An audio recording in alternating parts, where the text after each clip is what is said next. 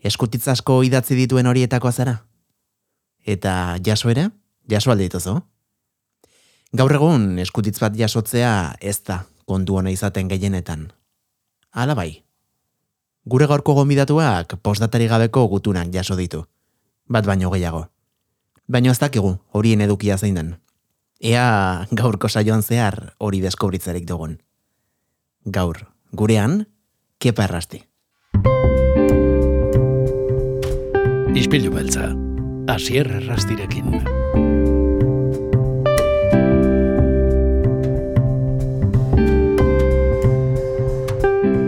Kepa errasti, ongi etorri gure izpilura. Eixo, eskerrik asko. Gaurkoan eh, eskuartean proiektu politi bat dakarki gozu, ezta? Bai, bueno, ez dakit nik esati ondo dago, baina gu oso pozita du eta, eta bai, ez egia da, eta badaukagu eukidugun feedback, gut, feedback gutxi horrekin, ba, sensazio bat zerbait polita daukagula eskuartean, orduan, bai, posti gaude egia esan.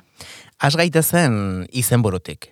Postdatarik Bai. gabeko gutunak du zuen ikuskizun berriak eh, izena, konta iguzu, asteburu honetan, larun bat eta igandean, e, donostiak begia auzoan gaztestena konkretuki, zer aurkituko dugu noltza gainean? Bueno, pues aurkituko du jendiak, ero ikustera tortzen da jendiak, beti gustatzen zaigu esatea dela bakarrizketa lagundu bat.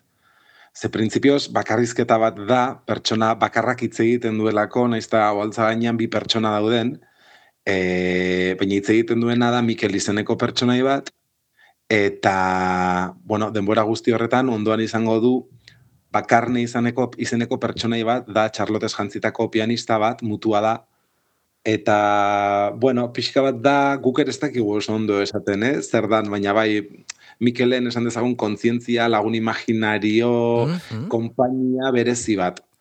E, kontua da Mikelek e, dramatzala bost urte e, isolatuta eta e, bere isolamendu horretatik ateratzeko ordu bete geratzen zaio.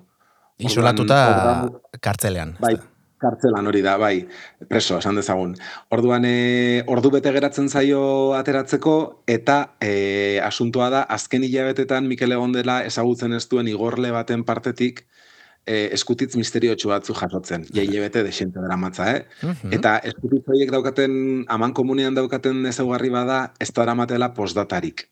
Ah, Bueno, igorlerik ez dago, baina postdatarik ere ez daukate eskutitzek. Igorleak bukatzen ditukat euskutiz guztiak postdata bi puntu, baina sekule ez du betetzen postdata horretan jarri nahiko luten hori. mhm. Orduan Mikelek kriston e, jakin mina dauka, jakiteko zergatik egiten duen hori, eta bestalde zein den eskutitzen atzean dagoen pertsona hori, ez? Orduan erabakitzen du, e, preso gelditzen zaion ordu bete hori pertsona horri eskaintzea. Pe- Parean ez daukan arren, erabakiko du hitz egitea pertsona horri, ba inoiz bidali ez dizkion gutun guzti hoien e, izenean edo i- inoiz idatzi ez dizkion gutun horiek esango balizkio bezala. Eta mm, eta izango da pixka bat aitzaki bat, ba, Mikel hobeto ezagutzeko eta Mikel nundik datorren eta Mikelen bizitza hobeto ezagutzeko modu bat, izango da publikoari eh, hori alarazteko modu bat. Eta pixkanaka pixkanaka jungo da, ba, bueno, mm, jakiten publiko ere bai, nor izan daitekeen gutun hoien atzean eskutatzen den pertsona hori. Ah, begira. Eta, bueno, kasu honetan e, azpimarratuko dugu Mikel hori zuzarela, ez da, kepa? Bai, e, zuzara obra hontako protagonista, eta mm, guk nik oraindik ez dut ikusi, asteburu hontan iritsiko zaretelako gurera, baina e, bai antzerki obraren trailerrean eta baita, bueno, ba, sare sozialetan eta zueb, mm, web orrialdean ikusi izan ditugun argazkien arabera, mm, ez dakit, antzerki obra osoa e, ziega batean gertatzen den. Bai, bai, bai. Bueno, hor badaude gero sekretu batzuk, gustatzen zaidanak eh, deskubritzea, osea, publikoa ere horrak aurrera inala joango da gauzak deskubritzen. Orduan, bai, printzipioz, esan dezagun baiet. e, zein da pixka bat, e, bueno, antzerki honen tonua? Ze hasiera batean, e, ez dakite, bueno, gehiagi kontatu gabe ere, e, jasotzen dituen eskutitz horietan, bueno, misterio puntu bat badagoen, tentsioa, Bai. gauza itxusiak iristen zaizkion, ederrak diren, e, zein da pixkate, bueno, ba, er, erregistroa? Ere- Bai, esango nuke ederrak direla. Osa, oso zaila egiten zait, e, esatea ze, ze tonu daukan obrak. Gure artean hitz egin izan dugunean, askotan esan izan dugu, igual dela xakek egin duen, edo komedia gutxien daukan e, e, ikuskizuna. Badauka, eh? baina beti ustartu nahi izaten ditugu, bueno, ba, pixka bat komedia edo, bueno, drama edo gauza ilunagoak bezala. Hau izan daiteke igual komedia gutxien daukana, baina ez da drama bat ere, ez dakit nola esan. Uste dela oso Osa, e, mm, estilo atletik atsegina ikusteko, ez? Azkenian, e, e, Mikelen pertsonaia, bueno, da, Nikaragoan jaiotako pertsonai bat, bere gurasoak erbestean zeudelako, orduan, pixka bat dena bai dago kutsatuta, ba, laro gehieta amargarren amarkada ziera horretan, bueno, ba, erbestean bizi ziren Euskaldun askoren, bueno, pues, garai hartan edo kontestu hartan, ez? Orduan, ikustut baduela zerbait atsegina moduan, ez nuke esango drama bat danik ez da. Naiz eta, bueno, gai gogorrak ere jorratzen diren. Eta gero, e, eskutitzen tonua, Mikel azkenean maitemindu eginda, e, bidaltzaile hortaz, ez? Eta orduan, badago tonu atsegin bat, eta polit bat, eta eta bai, askoz gehiago ez dut esango. e, ala ere, aipatu diguzun gutxi horrekin, mm, nahiko psikologikoa dirudi, ez? Historia narratiboa. Bai, bada, eta e, ikusi, antzerki ikusi duen jende gutxi horrek ere hori ere esan du, ez? Azkenean, baita obran zehar ikusten duzulako, bueno, a Mikel nolakoa da, nola egin dizkion aurre bizitzan, bizitzan zehar izan dituen egoera desberdin askori, eta nik uste dut jendea, edo batez ere adin bateko jende bat, identifikatuta sentitu daitekeela, ba, Mikelek bizi izan dituen hoiekin, edo Mikelek izan dituen bueno, pues, gatazka hoiekin edala, ez, pixka bat. Orduan, bai, bai da pixka bat pertsona baten perfil bat, edo bizitza baten perfil bat e, erakusten duen obra bat.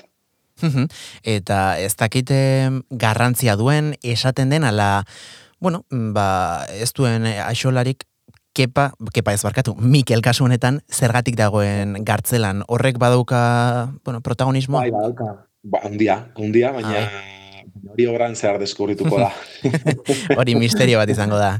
E, aipatu duzu, e, Mikelen kontzientzia ere Charlottez jantzita ibiliko dela, e, bai kartelean eta bai trailerrean eta bar, mm, orain kontatzen diguzunaren arabera, aipat, bueno, ba, ez dirudi oso komikoa denik kontua, baina baina behintzat pertsonai honek e, badu ez da, e, komikotik, bai. desente behintzat estetikoki, ondoren izeraldetik bai, ez bai, dakit. Bai, bai, Eta, eta pixka bat hori izan zen e, bigarren pertsonai hau sartzearen arrazoietako bat, ez? Osa, ez edin oso gauza astun eta bueno, ez dakit astuna deitu edo pixutxu, bai, bueno, bai, pixutxu, esan nahi dut. Bai, mardula, ez, oso. Hmm. Bai, txarlotan pertsonaiak ematen dio airea handia obrari, eta nik dut getari etxegarai zuzendaria kortan ere esku oso neuki duela, eh, erabakitzen nola erabili per, pertsonaia hori, ez? Osa, azken finean, zenbaterainoko bizitza eman pertsonai horri, ez? Eta nik uste dut, monologo bat, edo bakarrizketa bat izan arren, ez daukala ikusteko itura daukagun bakarrizketa hoien formula hori esan nahi dut, ez? Osa, ezken momentu batzen ez dirudi bakarrizketa badanik, azken finean komunikatzen dira bi pertsonaiak nahiz eta Charlotte ez hitz egin, ez? Mhm. Eta, eta Charlotte dagoena pixka bat da, osa, Charlottek nahi du, bueno, bakarne dauka izena e, pertsonaiak. Bakarnek nahi duena da e, Mikelek bengoz, e, ah, eske hori ez dut esan lehen, Mikeli iritsi zaio azken eskutitz bat, oraindik irak, irakurri ez duena. Vale. Eta bere asmoa da, atera aurretik justo eskutitzori irakurtzea. Ah. Eta bakarneren helburua da, Mikelek behingoz azken eskutitzori irakurtzea. Orduan, obra guztian zehar da Mikel xaxatzen irakurri dezan, irakurtzeko gelditzen zaioen eskutiz bakar hori, ez? Eta pixka bat, harreman horrek badauka puntu komiko hori, ez? Bakar aspertuta dago Mikel entzuteakien, oza, aspertuta. ba, ja entzun du bere bizitza ez da gizen bat aldiz, eta eta ja, ja está bien, oza, irakurri azkeneko eskutitzori eta punto, ez? Pixka bat, orduan uste dut, harreman horrek daukala, ba, puntu komiko, edo lehen esaten genuen puntu komiko hori. Ez guaipatu, baina bakarne kasunetan nerea ariz nabarreta aktorea da. Bai, bai, hori da, hori da. Nik gainera nerea espaldi ezagutzen dute eh, udalekutan, eh, ezagutu genuen elkarra mala, ba, urtekin, bai. Bai, bai, bai. Eta bai, pixka bate errebotez izan zen nerea, eh? beste pertsona bat izan behar zuen hasieran eta eta gero azkenean ezin izan zuen, eta beste norbait bilatzen, beste norbait bilatzen, eta bapatean berarekin gogoratu nintzen, eta behar genuen norbait gainera nereak pianoa jotzen du zuzenean. Ah, begira. Orduan, eh, bai, bai, pertsonaiak pianoa jotzen du, orduan behar genuen norbait pianoa jotzen zekiena eta gero nerea gainera teatro fisiko handia egin dut hola, eta eske, ikusi duen jende guztiak esaten du, ez itzaiola pertsona oberik bururatzen e, pertsona hori gorpuzteko, ez? Oste, oso, bai, uste oso pertsona egokia dela egiten duen lan hori egiteko. Eta musikak, eh, kasu honetan ze, ze paper dauka pianoak ba, eh, antzerkian? Haundia dauka, ze pixka bat izango da, ba, lehen esan, dizu, esan dizudan girotze hori eh, emango diguna, ez? Ba, pixka bat entzengo dira, ba, garai hartako em, herrialde iraultzailetako ba, abeslarien kantua kantatzen dira ba, Silviorenak, kantatzen dira ba, Carlos Mejia Godoi, bueno, ba, garai abestiak. Eta nik uste horrek ekart publikoa ere eramaten duela, edo irudi, irudi, iruditegia eramaten duela garai hartara bezala, ez? Eta e... berean dira Mikelen gurasoak entzuten zituen abestiak, ah. eta gurasoak asko hitz egiten da obran zehar, oza, gurasoak pixo hundia daukate obran zehar, bueno, bai. Aipatu duzu gai gordinak, mardulak, e, bueno, ba, e, adin tarte batetik aurrerako ikusleke ulertuko dituzten gaiak direla, eta mm. oraindik aipatu ez dugun arren, zuzara, obra honen egilea, E, esan daiteke kepa errastik eh, bere barrenak nolabait ustu dituela, paperaren gainean? A, pixkat, bai, beti, oza, jo, ni gainera beti defendatu dudan gauza bat izan da, ez, oza, azkenean, barrenak azaldu egin behar direla obra baten, bai ala, bai, batez ere idazten baldin baduzu, eta, eta, eta, produzi, eta egitera ausartzen baldin bazara, ez, zerbait, egitera ausartzen baldin bazara, jo, izan behar duela zerbait, benetan barruak mugitzen dizkizuna, ez? E, gure lehenengo obrarekin, adez, nik amonaren eriotzaren arira, pues, ateratako sentipen batzutatik abiatuta sortu zen testu hau, e, bueno, tenak daukate, agian lur izan daiteke, bueno, ba, transexualitatearen gaia jorratzen zen, baina etzan, etzan transexualitateari buruzko obra bat, baizik eta onarpenari buruzko obra bat, ez? Eta kasualidadez, ba, e, aur transexual bat protagonista, baina oso lotuta, ba, onarpenarekin, ez? Eta beti dira, bueno, bai, ni barruan mugitzen dizkidaten gaiak, eta kasu hontan ere bazan, ez? Pues, pixka bat, bakardadea, e, autoestimua, e, zaintza asko aipatzen da ere bai, e, lagun arteko zaintza, bueno, pixka bat ziren gai batzuk, bai, barroa mugitzen zizkidatenak. Eta gero asko gustatzen zait baita, em, bueno, despistera jolastea edo, zenbateraino da egia kontatzen dena, zenbateraino ez, ez? Osa, e, fikzioaren muga horrekin jolastea pixka bat, asko gustatzen zait. Baina bai dauka asko asko nigandik edo edo nire bizipenetatik edo sentipenetatik edo bai.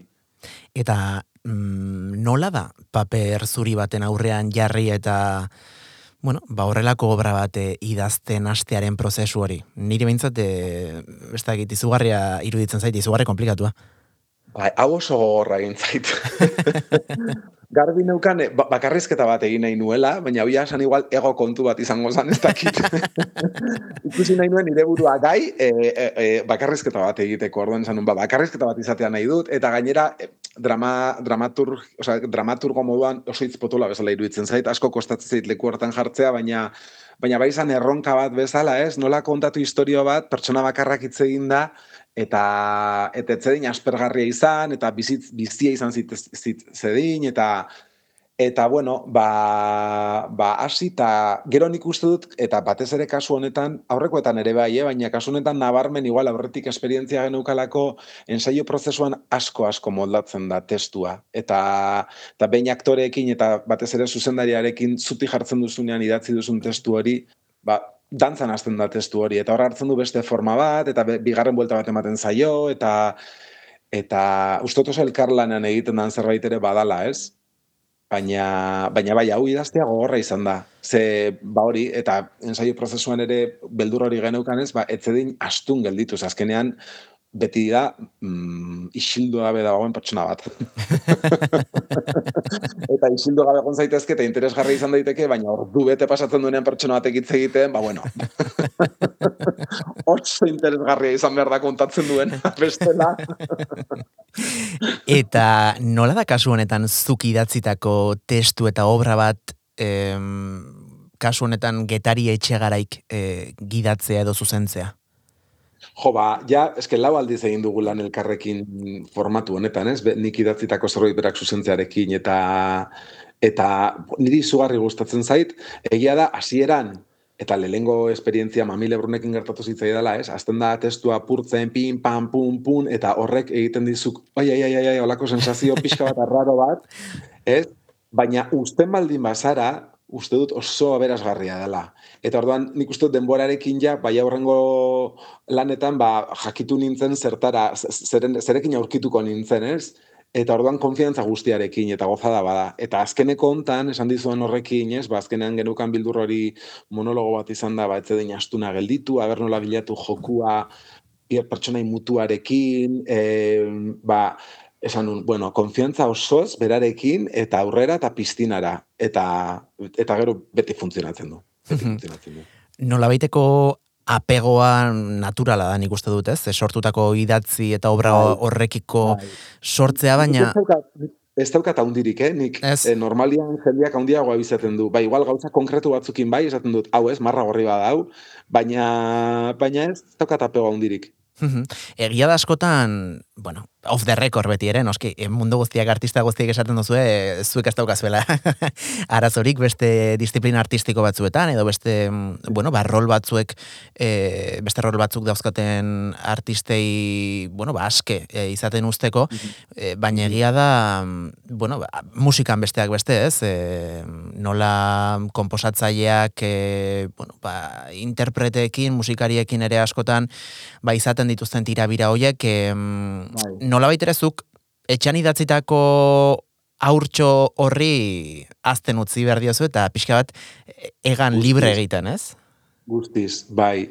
E, beida, justo horrekoan egon nintzen izketan baita, gure argiztapen diseinua sarturatzen danakin, David Alkortarekin, eta egon ginen komentatzen nola, edo nik komentatzen nio nola askotan, bai argiztapenarekin, mun argiztapenarekin ez hainbeste, ze beti barruan egon nahi zenez, ni ez naiz jabetzen kapotik ikusten da horrekin, ez? Baina, musikarekin bai gertatu zaita askotan, igual norbaiti enkargatu musika bat, zure buruan zerbait dago, eta ja ikasi dut, inoiz ez da izango zuk espero duzuna, inoiz. claro. Baina aukera bat eman bertza jo, ose, asieran, klaro, deskoloke bat bezala dago, ez? Mm -hmm. oh, nik espero nuena.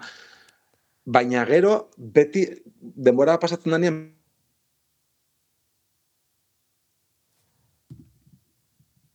batzutan, ez, ez, ez, ez, dut ikusten, ez da zergatik ere. Baina eske beti gertatu zaidan zerbait hori, lehengo kolpe hortan, esan, ai ama, hau nolako, nolako espero. Baina gero, utzi denbora bat horri, eta, eta, eta bere leku hartzen du, bere, bere bai, bere forma, ez dakit. Izenburuak berak e, esaten du, ez? Postdatari gabeko gutunak, gutunak pixua handia duela, e, holtza gainean, eta bai. gutunak kasu honetan inigo legorburu idazleak e, idatzi ditu. Mm, nolakoa izan da bion arteko sortze prozesu hori? Azkenean zuk ere transmititu behar izan diozulako ez da e, bai, ba, kuriosoa, kuriosoa tan irutzen beretzako zaila ere bai? Baina bueno azkenean lortu diogu garbi neukan nik em, kanpotik iristen ziren gutun horiek beste ahots batetik bezala idatzi nahi nituela. Eta ni ez naiz sentitzen oso idazlea Osa, ez naiz oso idazle literarioa sentitzen, edo, uh -huh. edo poetikoa, edo, osa, best, beste idazteko modu badaukat nik igual gertuago dagoena kaleko hizkuntza hortatik edo antzerkitik, edo, eta baina nuen, bueno, ba, zerbait jasoagoa izatia, ez? Kanpotik iristen ziren gutu noietako lenguaje hori tordan esaten jo, guai egon litzake beste beste norbaitek idaztea gutu noiek, eta bapatean bururatu zitzaidan, gogoratzen ez gainera inigo begiz jo nuela, e, iparragirreren emazten gutunen inguruko obra baten, eh zitzaidan super politia zeudela gutun batzuk idatzita eta eta jakin nuen bera zala hoien idazlia eta esan nuen ba berari berari deituko diot eta bera super prest eta orduan hasieran hasi ginen oso graziosoa izan zen ze hasieran ez genekien nola hasi pixka prozesu hontan eta erabaki genuen nik gutun bat idaztea berari eta berak erantzutea niri Osea, pixka bat, benetako Ah. korrespondentzia bat. Begira. Claro, gero zertaz konturatu ginen, barruan zegoen horrek ezin ziola kanpokoari idatzi. Orduan etzala oso, oso Ah. joku. Baina hori konturatu ginen, igual ja post edo idatzita genuela elkarri, eh? Iaia Eh, rol joko batean bilakatu zenuten. Bai, bai, bai, bai. Eta Orduan ja hasi nintzen idazten eta erabaki nuen bai, ja, gauza konkretuak eskatzia eta gauza konkretueien arabera eh, bueno, berak idaztea, ez? Bueno, eh, beretzako ere ez da erresa izan, ze gauza asko ez genituen guztiz esan nahi, erdi eskutuan utzi nahi genituen, Claro. bueno, pixka. Orduan, klaro, eske hori beretzako oso zaila da. Baina gero oso gutun politiak idat. Azkeneko gutuna da, niri izugarri gustatzen zait. Super politia iruditzen zait. Az, irakurtzen duen azkeneko gutuna. Sekretua den hori ez da? Bai, hori da. Bai, bai, bai.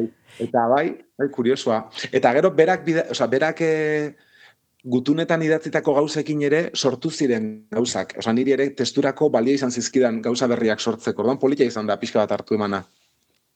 Ba hori, bueno, mm, larun bat eta igande honetan deskubrituko dugu. E, egiako gaztestenan, e, kepa, agurtu aurretik, e, oraindik ez dugu esan, xake produkzioak e, konpainia dagoela atzean, e, Bai. zuk e, laguntzarekin sortutako konpainia bat. Xabier Ormazabal eta biok sortu genuen, mami lebrun idaz e, produzitzeko, eman ziaten diru laguntza bat testu idazteko, eta esan genuen, "Bueno, animatuko gara, egingo dugu konpainia bat, eta venga, eta hola, hola hasi zen konpainia, bai laugarren lana egia esan, oso pozi gaude. Eta gainera ibilbide majoarekin, eta bueno, pozi gaude. Ba, entzule geratu, eh? Xake produkzioak izenarekin hemendik aurrera ziur e, Euskal Herriko holtza askotan e, ikusi ahal izango ditugulak euren lanak eta urrutira joan gabe aipatu duguna. Azararen hogeita bost eta hogeita honetan, larun bat eta igandean, arratsaldeko zazpitarrietan, biegunetan, Donostiako gaztestenan. E, sarrerak badakizue Donostia kultura.eu satarian dituzuela eskuragarri, eta, bueno, ba, animatu. Bertara kepa errasti eta eta inguruko lagunak e, bueno, ba, sortu duten obra zoragarri hau ikustenan, ibintzat hortxe egongo naiz kepa, eta, eta ja, e, zerekin deskubritzen diguzun, honako honetan, mila milioi esker, gaurkoan gure izpilura gerturatzeagatik eta eta laiztir arte, eh? Oso, ondo eskerrik asko.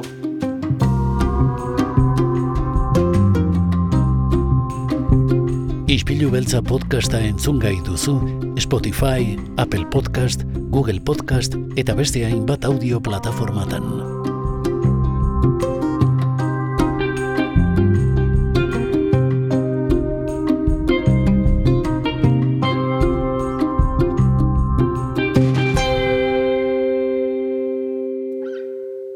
Josemi Beltran, ongi etorri gure izpilura.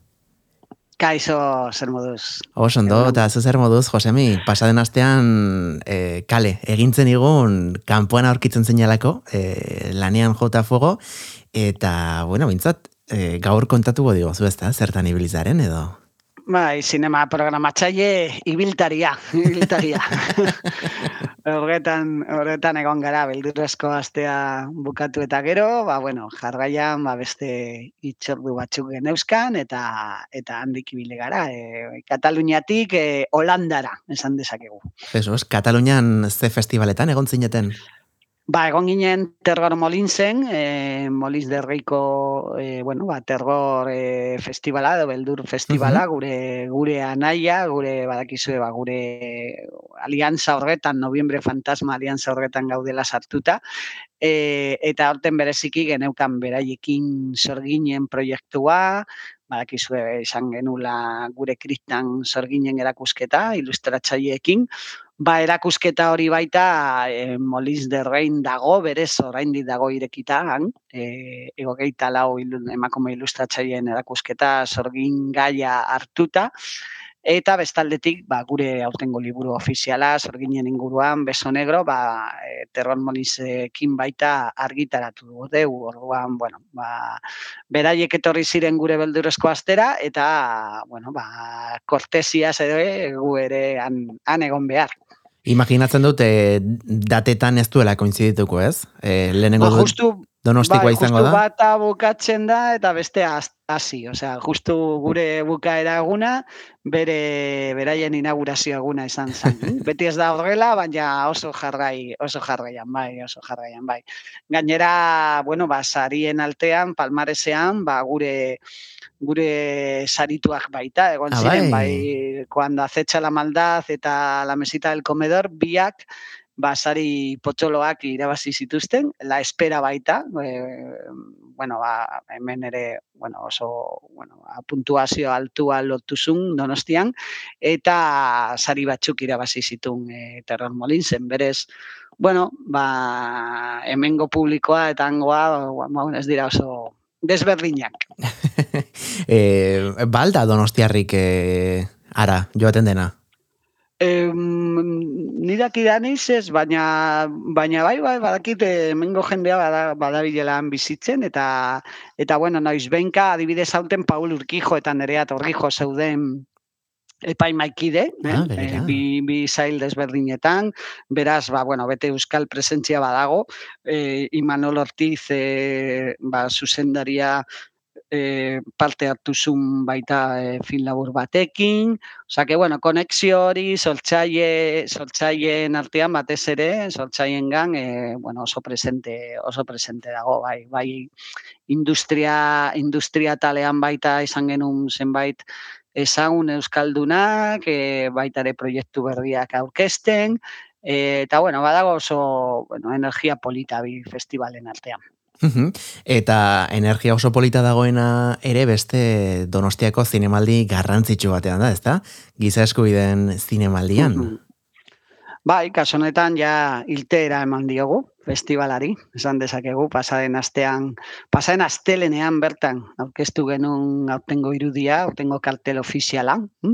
E, bueno, ba, mundua e, dolurra e, sabor poltsa baten barruan, hm? eta ez dugu eskorrak izan nahi honekin, baina, bueno, bueno, gauzak e, goera dagoen bezala. E, ba, hori izan da aurtengo kartela, e, e, Sisu Estudiok e, sortutakoa, eh? e, eta, bueno, ba, festivalaren datak, eh, datorren urteari begira, hogeita hogeita bat garren edizioa izango da, e, apirilaren amabitik emeretxira, eta justu ireki dugu epea filmak aurkesteko. Film laburak eta eta film luzeak, e, bueno, ba, webgunearen bitartez, norbait badago interesatuta film aurkesteko, han, daude oinair, oinergiak. Mhm.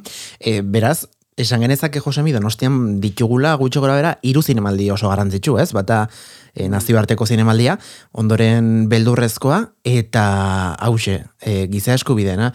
E, giza eskubiden zinemaldiak em, baldu gainontzeko beste biekiko desberdintasunik hau da. Beste bietan ere onartzen dira e, proposamenak, e, hau da, mm, bueno, aipatu duzun e, Mhm. lanak eta proiektuak e, aurkezteko aukera izaten da, ala antolakuntza bera mm, bueno, ba beste jaialdi eta zinemaldietan arrantzatzen ibiltzen zarete horrelakoak. Bueno, hori, hori, hori beti, ustez festival guztietan badaude bi, bi, bi arrantza egiteko bi, bi aukera edo bi aukera baino gehiago, no? Bata, eta beti gainera zinemaldi publikoa izan da, e, ba, deialdia irekitzen da, zabalik egoten da, baita ere nazioarteko zinemaldian, eta bestaldetik, claro, dago gure lana programatzaile gisa bilatzeko eta ikertzeko sortzaileen eta saltzaileen artean. Mm? E, orduan, bueno, ba, pizkat, e, ikerketa aktibo hori egin behar duzu. Mm? Hori duda, dudarik gabe, mm? baina bai irekiera ofiziala ere, filmak aurkezteko egon behar da, batez ere adibidez film laburren asunto kontuan, edo film laburren atalean oso zaila da, e, bueno, asko, asko, asko aurkezten dira, eta eta bueno, ba, beste film labur aurkezteko beti ez da hain ergaza film luzen kasuan bezala. E, bueno, ba, film luzen kasuan ba, beti e, nola esan, ba, aurrekontu handiagoa, edo industrialki ba, ba, behar dute botere hori, eta norbaitek esaltzea filma, edo ekoiztetxe garrantzitsu bat dago atzean, eta bueno, normalean ba, ergazagoa da aurkitzea film laburak baino edo, edo detektatzea interesgarrienak. Ikuspuntu horretatik baita guretzat interesgarria da zenbait merkatu eta zenbait e, beste zenbait zinemaldietara joatea jakina. Eta hain zuzen pasaren astean etzinen gurean izan, ba etxetik gertu behintzat etzinaleko.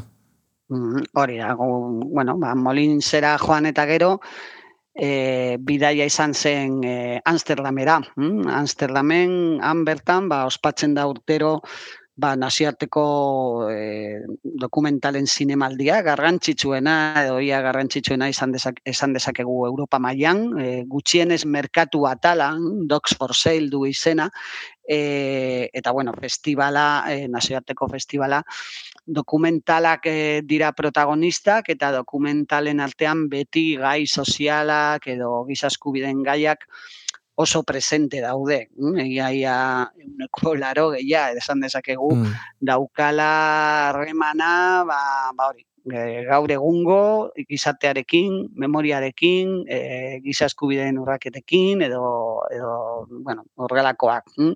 Zentsure horretan ba, oso garrantzitsua da guretzat eta merkatu horretan gabiltza normalean ba, e, dokumental saltzaiekin hitz egiten edo edo baita gure osea, bueno, ba, sortxaiak datoz gugana, ba, bere, bere filma edo bere proiektua aurkesteko datorren edizioari begira edo etorkizunari begira, esan mm. daiteke. Eh? bueno, eta bestaldetik baita guretzat da garantzitsua zen gabiltza nazialteko sare batean, e, zinemaldien sarea, e, gizaskubiden zinemaldien sare bat, eta normalean hango, han Amsterdamen egiten dugu urtero gure gure asamblada, ba, gure artean elkarlanak bideratzeko edo akordiak eta edo partekatzeko bakarrik informazioa zenbait filmen inguruan.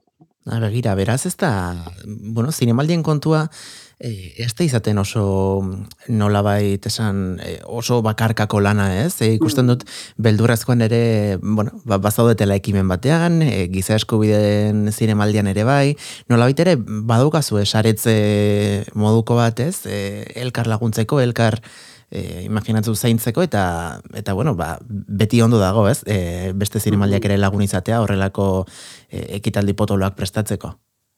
Bai, estatu, estatu mailako sareak eta nazioarteko sareak esaten dira, adibidez, nazioarteko sare honetan, e, orain ba, gaude, bos, e, Espainia mailan bos zinemaldi gaude, mm bai, Asturiasekoa, Kataluniakoa, Mandresakoa, Klan Festival hori, itxegin genuen horren bai, inguruan, bai. Fizajara, zeren bere kudeak eta dago hemen Espainian, eta baita ere Valentziako bat, eta eta guk, e, Donostiakoak, Beraz, e, bueno, ba, estatuak badauka bere, bere garantzia sare horretan, baina badago mundu osoko festivalak, e, Amerikakoak, Asiakoak, Afrikakoak, e, bueno, eta, eta asko ikasten duzu zenen mota guztietako antolakuntza badaudean sartuta, elkarteak, erakunde handiak, fundazioak, ez dira guztiak ez gara berdinak, mm? e, antolakuntzari dagokionez, claro. eta horrek ere aberazten gaitu, eta, bueno, ba, ikasten duzu asko, e, bata beste baten gana edo beste batetik ikasten duzu. Eta eta horregatik ba bueno e, noiz benka noiz benka ere ba ateratzen dira proiektuak aman komunean eta bueno erakusketak liburuak edo leioak festivalen artean ber, e, e, horrek esan nahi du, ba, ba, bueno, gu beste festival batean, ba, dibidez euskal dokumental edo euskal film bat aurkestea, gure eskutik, eta eta kontrakoa agian gu hemen, ba ez dakit, e, Argentinakoa edo Palestinako lan bat e, aurkestea. Eta gainera, bereziki giza eskubideen zinemaldian imaginatzen dut oso garrantzitsua izango dela, ez? E, kultura arteko e, elkarlan hori, azkenean, bueno, bai. ba, kultura bakoitzak bere begiradatik ikusten duelako munduan gertatzen ari dena, eta hori ere, behintzat, nik e, bizi danatek e, giza eskubidan saiatzen da, islatzen ere bai. Bai, eta pentsa, ez da ez dela gauza bera e, giza eskubideen zinemaldi bat hemen autolatzea edo ez dakit Afrikako e, edo Amerikako herrialde mm. batean, eh? E, berez e, zenbait herrialdetan bakarrik esatea edo aipatzea giza eskubideen kontsentua ja izan daiteke arriskutsua, eh? Osea que e, beste zinemaldi batzuek dauzkate gu baino merito handiagoa, eh? E, antolatzeko edo aurrera ateratzeko beraien proiektuak, eh? Ez dakit, mm. Venezuelan, e, Polonian, e, Burkina Faso, eta aipatzen ari naiz, ba, kanmandun, aipatzen ari naiz, benetako zinemaldi batzuk, e, bueno, benetako lekuetan, eta gure zarean daudenak, eh, edo, edo Perun, edo ez dakit.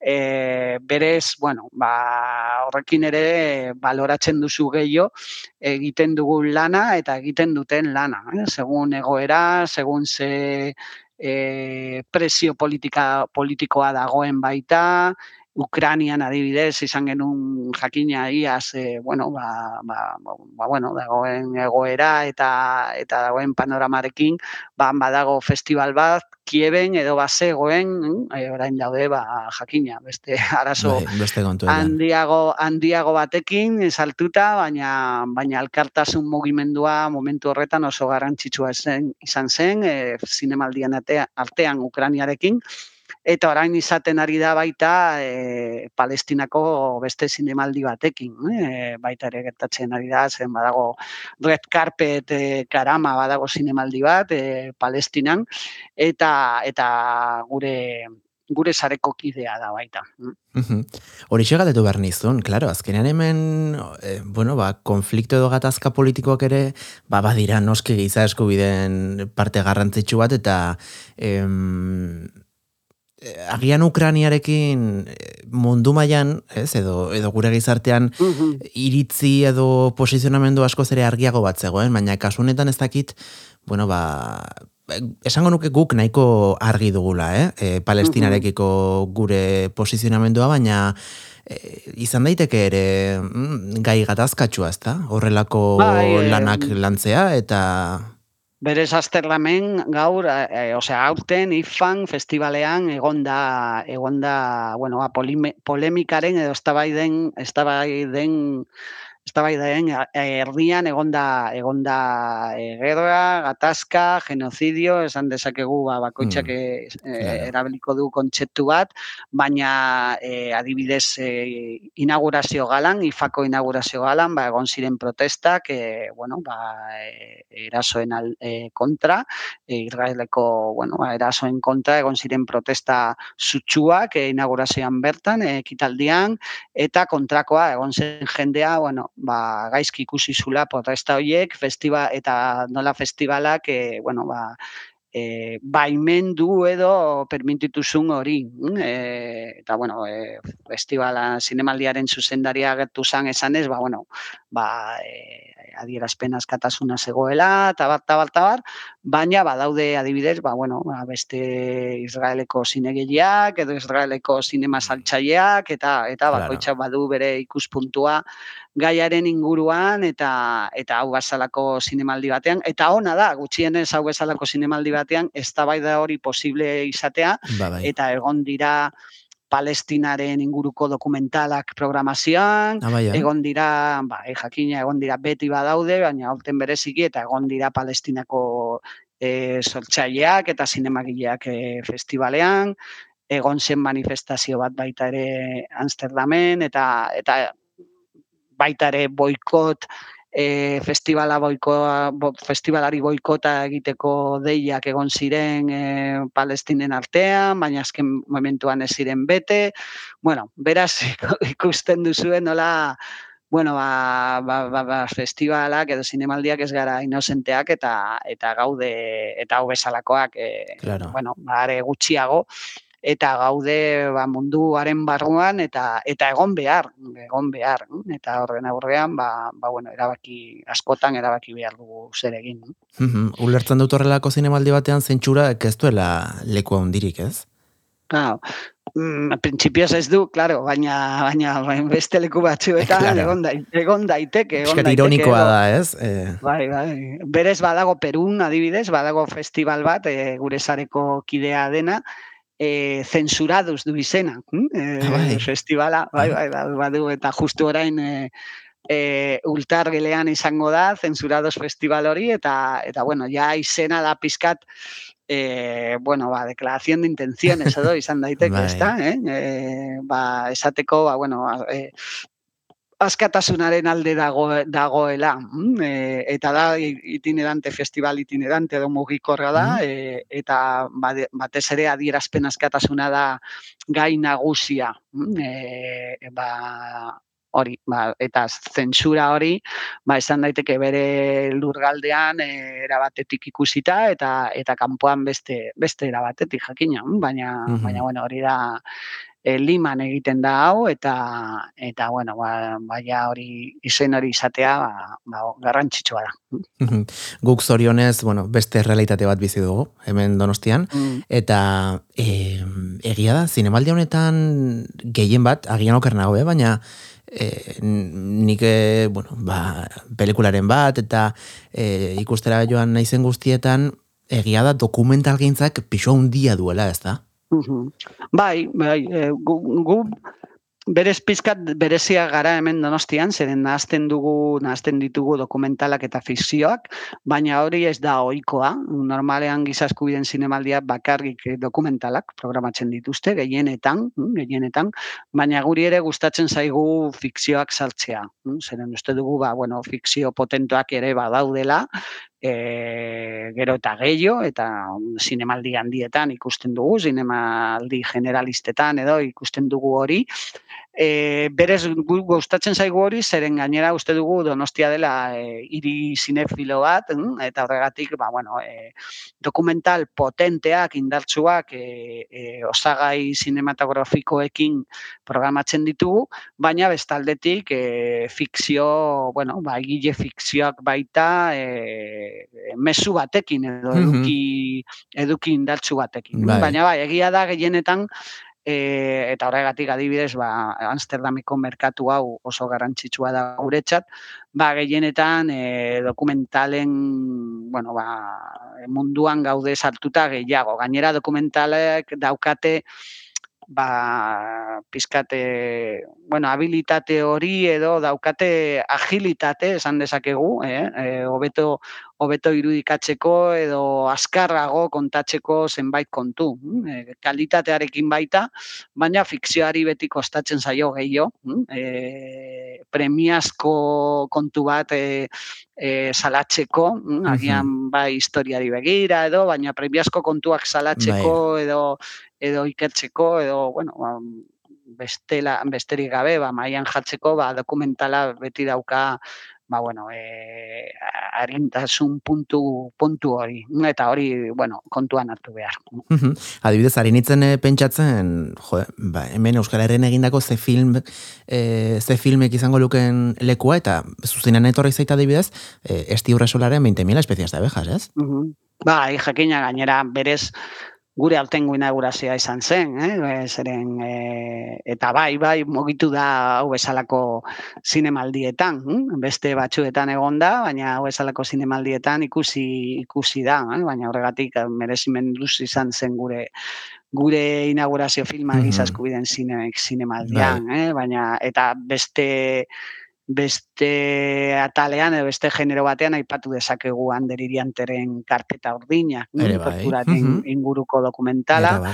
E, Tetuan ere bai. Hau, hau ere, bai, hau ere murgildu da asko, e, giza eskubideen nazioarteko zinemaldietan, ifan bertan egon zen, iaz, Ah, bai, eh? adibidez, bai, bai, egon zenan e, e, leian baita, beraz, bueno, ba, hemendik ere, bai fikzioa, bai dokumentalak ateratzen dira interesgarri, e, bueno, eta ibilbide polita daukate kanpoan. Mhm. E, besteak beste, Fermin Muguruzaren bidasoa, Mhm. 2018-2023, Mexikoko zinemaldi batean ere egonda, e, Bai, eta, honen harira, bueno, eta hemen bai. behintzat badugu, ez, dokumentalgintza kritiko eta indartsu bat. E, Bai, badago ohitura hori, bai, baita ere konpromesu ohitura eta aktivismo ohitura Mhm. eta aktivismo kultura eta bai kultura aktivismo kultura horrekin lotuta eta sinefiliarekin lotuta, ba ba handik nire ustez ateratzen da pizkat, ba bueno, ba gure festiba, gure giza eskubideen zinemaldiaren ba gakoa edo edo indarga, no? Nasketa publiko nasketa horretatik. Ba, 2008 laugarren urteko edizioa apirilaren emeretzian abiatuko da, eta apirilaren emeretzian amaituko da. Egia esan, niri kartela izugarre gustatu zait, oso simplea, baina oso bi elementurekin oso, e, bueno, ba, ez dakit nola, esan, oso erre irudikatzen duena munduan mm. bizi dugun errealitate gordin hau, eta, eta bueno, ziur aurtengo edizioa ere zoragarri joango dela, jungo zara, orainik apirilera bitarte baditxo kolaborazio batzuk bidean, osea, jungo zara e, kontatzen zer modu zijoa zen e, prestaketak, bai. Bai, justu orain hasi gara filmak ikusten, oza, que lehenengo, wow, bueno, que...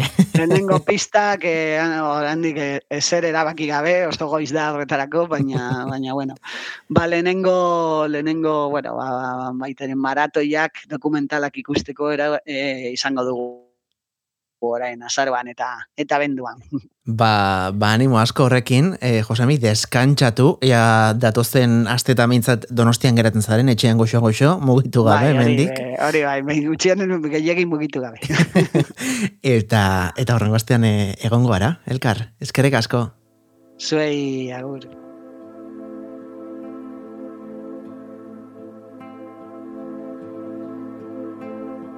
Norkoroitzen duen esagaxen